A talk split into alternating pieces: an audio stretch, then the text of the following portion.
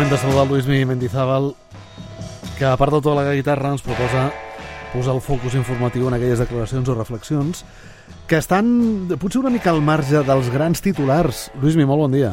Molt bon dia, Goyo. He de decirte que, que, que no he tocado jamás la guitarra, pero... No, no lo parece, lo haces, no lo haces mal. ¿no? pero todo. no, bueno, bueno, todo es aprender y ponerse... Sí, sí ja te pilla mayor. bueno, en fi. Bé, eh, avui els ulleres a qui enfoquem avui amb les? Eh, mira, esta semana la escritora Cristina Fernández Cubas ha obtenido el Premio Nacional de las Letras por su trayectoria, que incluye novelas, obras teatrales y, sobre todo, libros de relatos, cuentos. Cristina es considerada como una maestra en, del relato breve, ¿no? un género que requiere determinadas habilidades narrativas y donde es tan importante lo que se cuenta como lo que se intuye y no aparece en el texto. Eso que, esa teoría que decía Hemingway de la teoría del iceberg, ¿no? Eh, un relato es lo que tú ves del iceberg, pero mmm, por debajo se esconden otras muchas cosas que, que, se intuyen, ¿no? Eh, el jurado ha premiado a Cristina, entre otras razones, por su fascinante empleo de la concisión para narrar historias, lo que nos lleva a hablar sobre las diferencias entre una, una novela y el relato corto. Ella dice, la concisión es fundamental siempre. En los cuentos, desde luego. Es intensidad contra extensión. Eso está clarísimo. Pero en las novelas también. Mis novelas tienen algo de cuento en cuanto a la intensidad. Además, el cuento requiere no un lector con prisa, como dice y piensa mucha gente, sino un lector inteligente y nada vago, un lector que si no entiende una cosa no tiene problema en volver unas páginas atrás. Al lector del cuento siempre lo he visto realmente como un cómplice del autor. Está contigo en tu aventura. El cuento es un género en sí mismo y me interesa muchísimo, no solo como autora, sino como lectora. Y yo te creo, creo encuentro fascinante, ¿no? Este tipo de, relato, cuentos cortos, pues no sé, hay grandes ejemplos, ¿no? Como Kim Monceau, Raymond Carver, eh, eh, el mismo Chekhov, que tiene unos cuentos estupendos.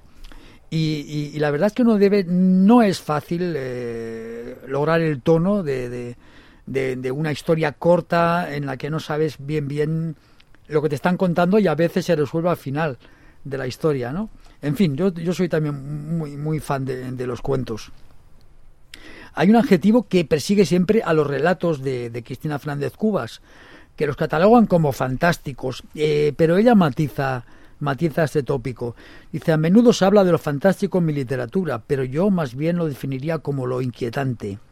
Lo fantástico asoma, es la forma de narrarlo, pero siempre parto de situaciones muy cotidianas, generalmente familiares, en las que sin embargo de repente surge un elemento que lo perturba todo.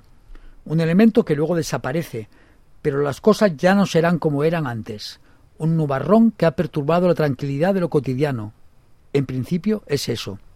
Claro, lo que sí está claro es que sus relatos se mueven siempre entre la realidad y la ficción. Y Cristina continúa reflexionando sobre esa ambigüedad que suele caracterizar a sus cuentos. Dice, los límites entre realidad y ficción, si los hay, se rompen cuando soñamos por la noche con el código del sueño en el que todo es posible. Es fantástico todo lo que no es una fotografía de la realidad, un reportaje. Entonces diría que lo mío no es un fantástico deslumbrante. Yo juego con esas zonas oscuras que todos tenemos y que la vida tiene. Juego con los misterios de la vida. Me gusta moverme en este mundo de claroscuros, en el que no todo es blanco ni es negro, en el que no todo está explicado. Claro, le preguntan de dónde surgen los cuentos, cuál es su fuente de, inspiración, ¿no? Dice, existen muchas teorías sobre este aspecto de los cuentos. Algunas son muy brillantes, de verdad, y me parecen bien, pero no me limito a ellas. Un cuento puede venir de un sueño, de una noticia que te ha parecido absurda y que la has empezado a dar vueltas de repente, de una conversación con un amigo que no veías desde hacía bastante tiempo, casi de cualquier cosa, incluso de la imaginación pura y dura. En fin, me ha parecido muy, muy interesante las respuestas de, de, de Cristina, que es una escritora barcelonesa, Cristina Fernández Cubas. Eh, es una escritora que es, no creo que sea lo suficientemente conocida, si miramos cuál es su, su talento literario, pero ahí está, y este nuevo premio, un premio importante a nivel estatal, pues le da, le da esta, Pues este, esta visibilidad, ¿no? Totalment.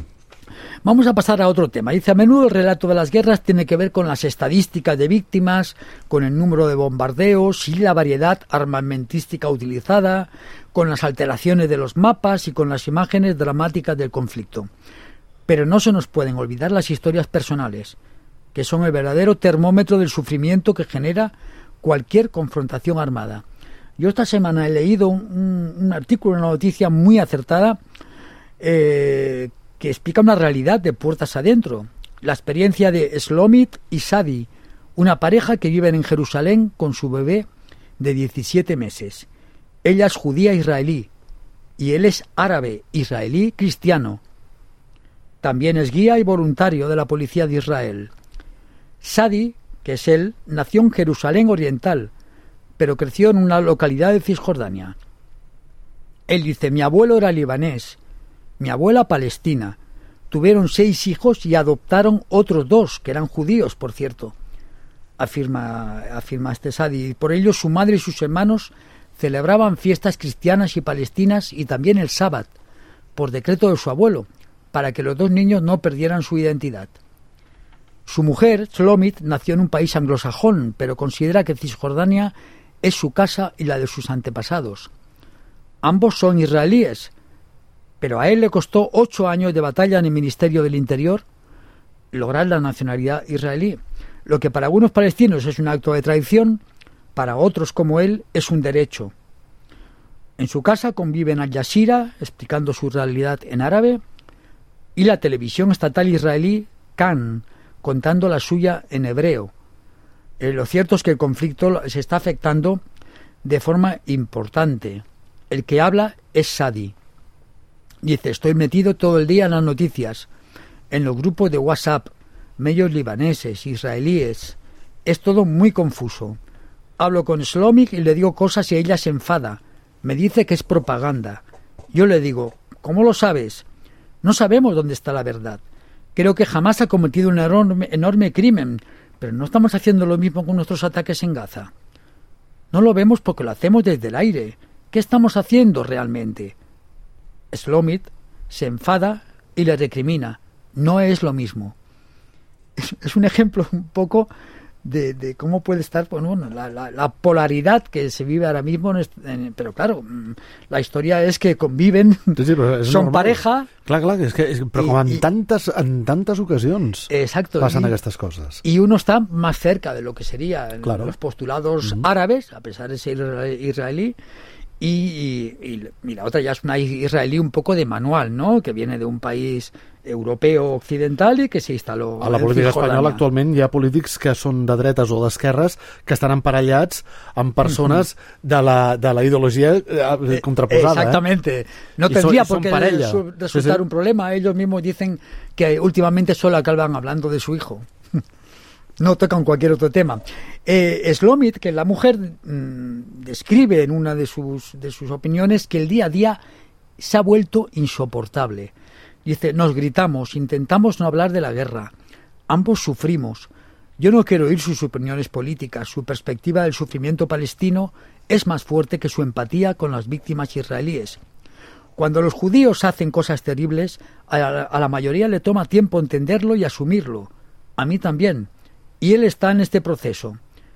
Si logramos sobrevivir a esto como pareja, será increíble. Estamos muy estresados y no nos apoyamos. Ya. Es la visión de, la mujer.